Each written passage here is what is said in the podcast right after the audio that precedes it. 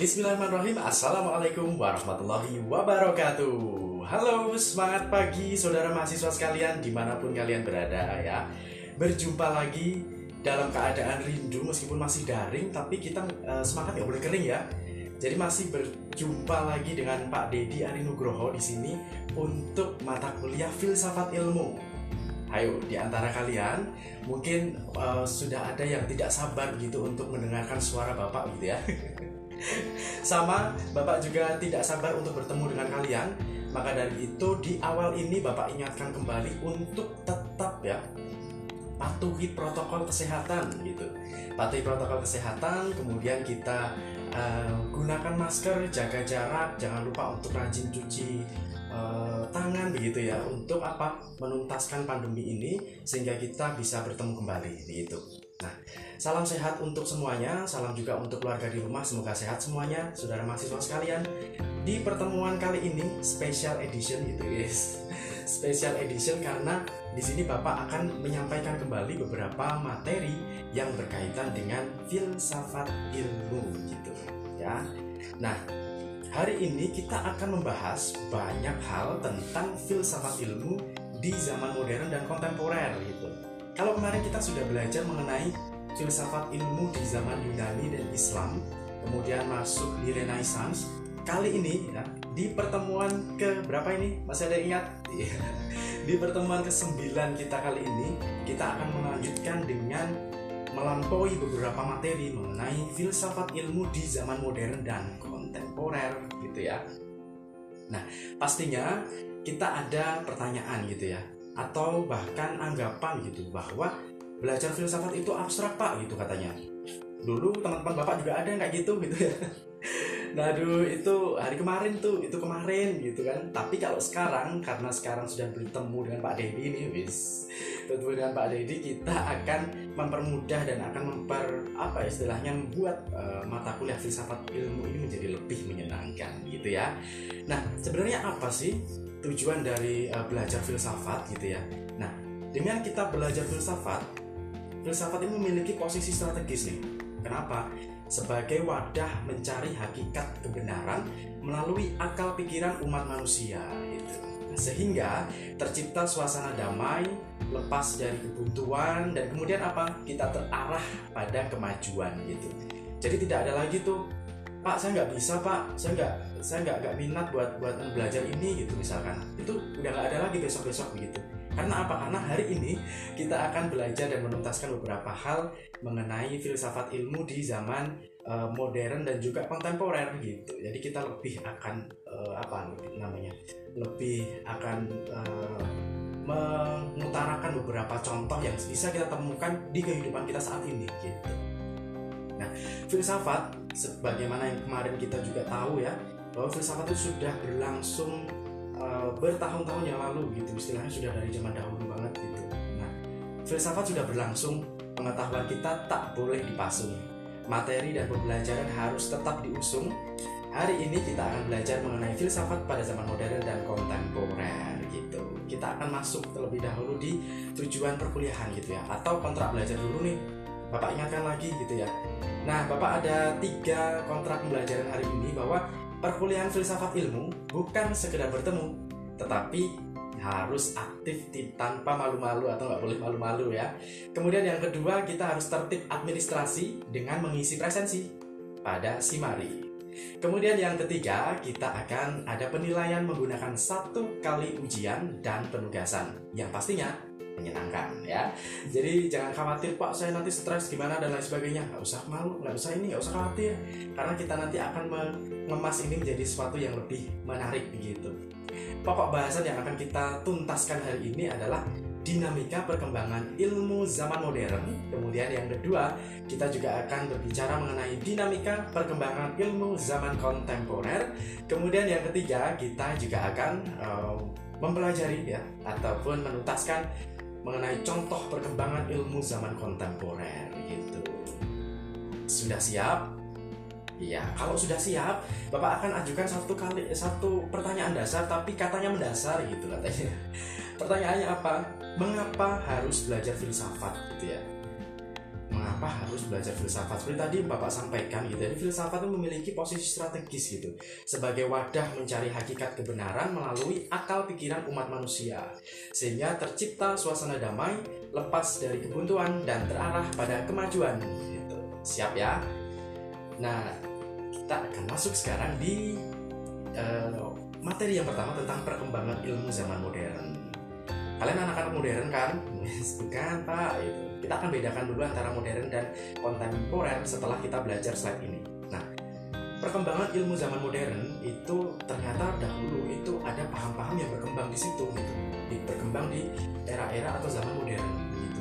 Ada tiga paham dulu itu yang berkembang. Yang pertama ada rasionalisme begitu nah rasionalisme ini adalah paham yang mengajarkan bahwa akal itulah alat terpenting dalam memperoleh pengetahuan atau kebenaran.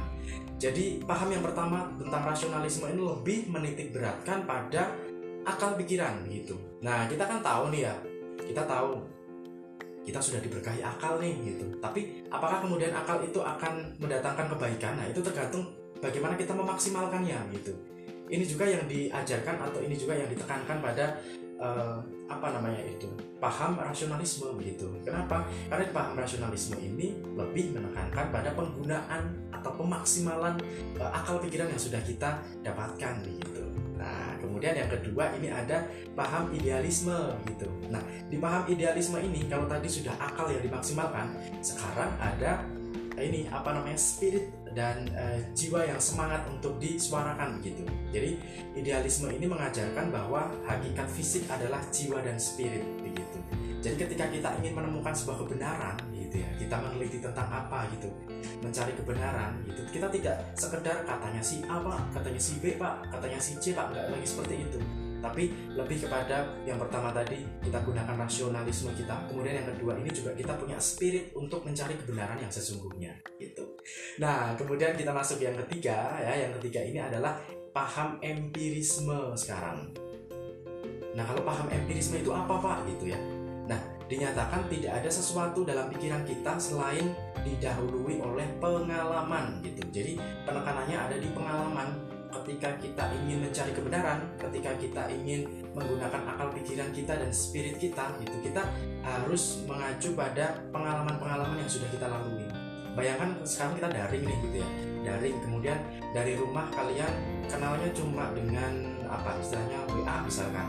Nah sekarang kita sudah bisa kembangkan kembali di misalkan penggunaan Zoom cloud meeting kemudian kita pakai podcast seperti ini ya kan? Nah bagi yang rindu ingin bertemu baru bisa bertemu dengan uh, suara begitu nggak masalah sama sekali. Ini sel- uh, salah satu terobosan yang akan mengarahkan kita pada satu pengalaman berharga begitu. Nah inilah yang ditekankan pada paham yang ketiga ini yaitu paham empirisme yaitu penekanannya lebih kepada pengalaman. Oke ada tiga ya.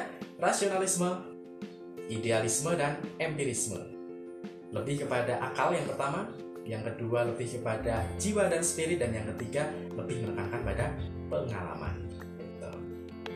Nah, ada beberapa hal yang harus kita uh, pelajari bersama. Gitu. Ternyata uh, setelah tadi kita belajar tentang uh, apa namanya perkembangan filsafat ilmu di zaman modern, ternyata juga ada zaman kontemporer. Nah, kalau kontemporer ini adalah zaman di mana memang Eh, baru-baru uh, ini yang lagi in yang lagi uh, in-innya begitu yang lagi kita apa namanya jalani dalam kehidupan sekarang. Nah itu disebut dengan zaman kontemporer gitu apa sih sebenarnya cirinya begitu? Nah kemajuan ilmu dan teknologi dari masa ke masa itu di zaman ini ibarat mata rantai yang tidak terputus antara satu sama lainnya gitu Nah, sejarah perkembangan ilmu di zaman kontemporer ini tidak lain adalah mengamati pemanfaatan dan pengembangan lebih lanjut dari rentetan sejarah ilmu sebelumnya.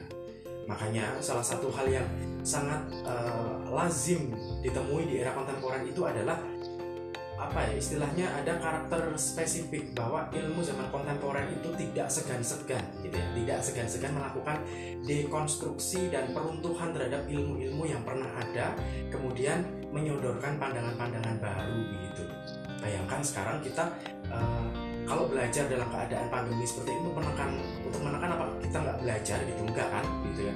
Karena perkembangan zaman gitu ya, karena perkembangan zaman dan lain sebagainya. Akhirnya kita menemukan aplikasi-aplikasi baru yang kemudian bisa kita bertemu meskipun tidak tatap muka secara langsung tapi kita bisa berjumpa di uh, banyak kesempatan begitu ya di banyak kesempatan gitu. Nah itu dua hal yang bapak sampaikan gitu jadi ada zaman modern dan zaman kontemporer.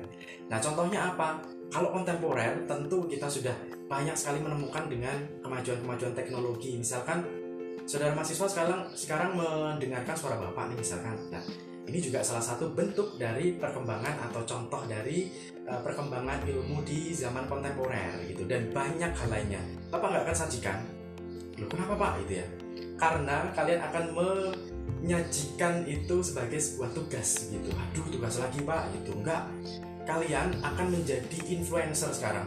Kalian sudah tidak terhubung dengan tetangga kalian aja gitu tapi kalian sudah terhubung dengan dunia karena sudah ada akses internet. Kita punya sosial media. Aduh sosial media ini apa? Isinya cuma galau-galau aja pak. Gitu jangan. Sekarang nggak zaman. Sekarang zamannya sosial media kita isi dengan hal-hal positif. Makanya kita akan menjadi influencer di situ. Gitu. Nah apa pak influencernya nanti? Nah Saudara mahasiswa nanti akan membuat iklan layanan masyarakat berkaitan dengan contoh kemajuan zaman kontemporer nanti disertai dengan sikap bijak yang harus diterapkan gitu. Nah, penugasannya ini bersifat individu, aturannya seperti apa sudah Bapak upload dan juga Bapak uh, bagikan ke saudara mahasiswa sekalian ya. Dan hasil videonya itu nanti akan kalian edit dan akan kalian uh, apa posting di sosial media kalian gitu boleh nanti diposting di Instagram gitu. Instagram nanti kalau satu menit bisa di feed tapi kalau lebih dari itu nanti bisa di feed tapi di uh, IGTV misalkan. Nah kayak gitu ya. Jadi di situ kemudian tandai bapak dan juga prodi PPKN ULM kita akan menilainya dari sana ya. Tuh jadi nanti sudah ada beberapa hal yang akan kalian selesaikan. Begitu tadi sudah belajar mengenai materinya. Sekarang ada penugasan yang asik buat kalian Nah, saatnya kita berpisah untuk podcast kali ini. Jangan lupa untuk tetap mendengarkan suara-suara merdu Bapak ya. Suara-suara merdu Bapak di edisi-edisi podcast selanjutnya begitu. Nah, tapi sebelumnya ada kalimat menarik untuk mengakhiri podcast kita di hari ini ya. Terima kasih Bapak ucapkan untuk kalian yang setia mendengar. Wis. Semoga berkah akhirnya kita bertemu, berdiskusi untuk buat kita semakin maju. Janganlah kita merasa jemu karena esok kita masih bertemu. Oke, okay? terima kasih saudara mahasiswa sekalian. Salam sehat, salam uh, semangat dan patuhi protokol kesehatan. Dari Bapak cukup sekian. Wabillahi taufiq wal hidayah. Assalamualaikum warahmatullahi wabarakatuh. Semangat pagi semuanya.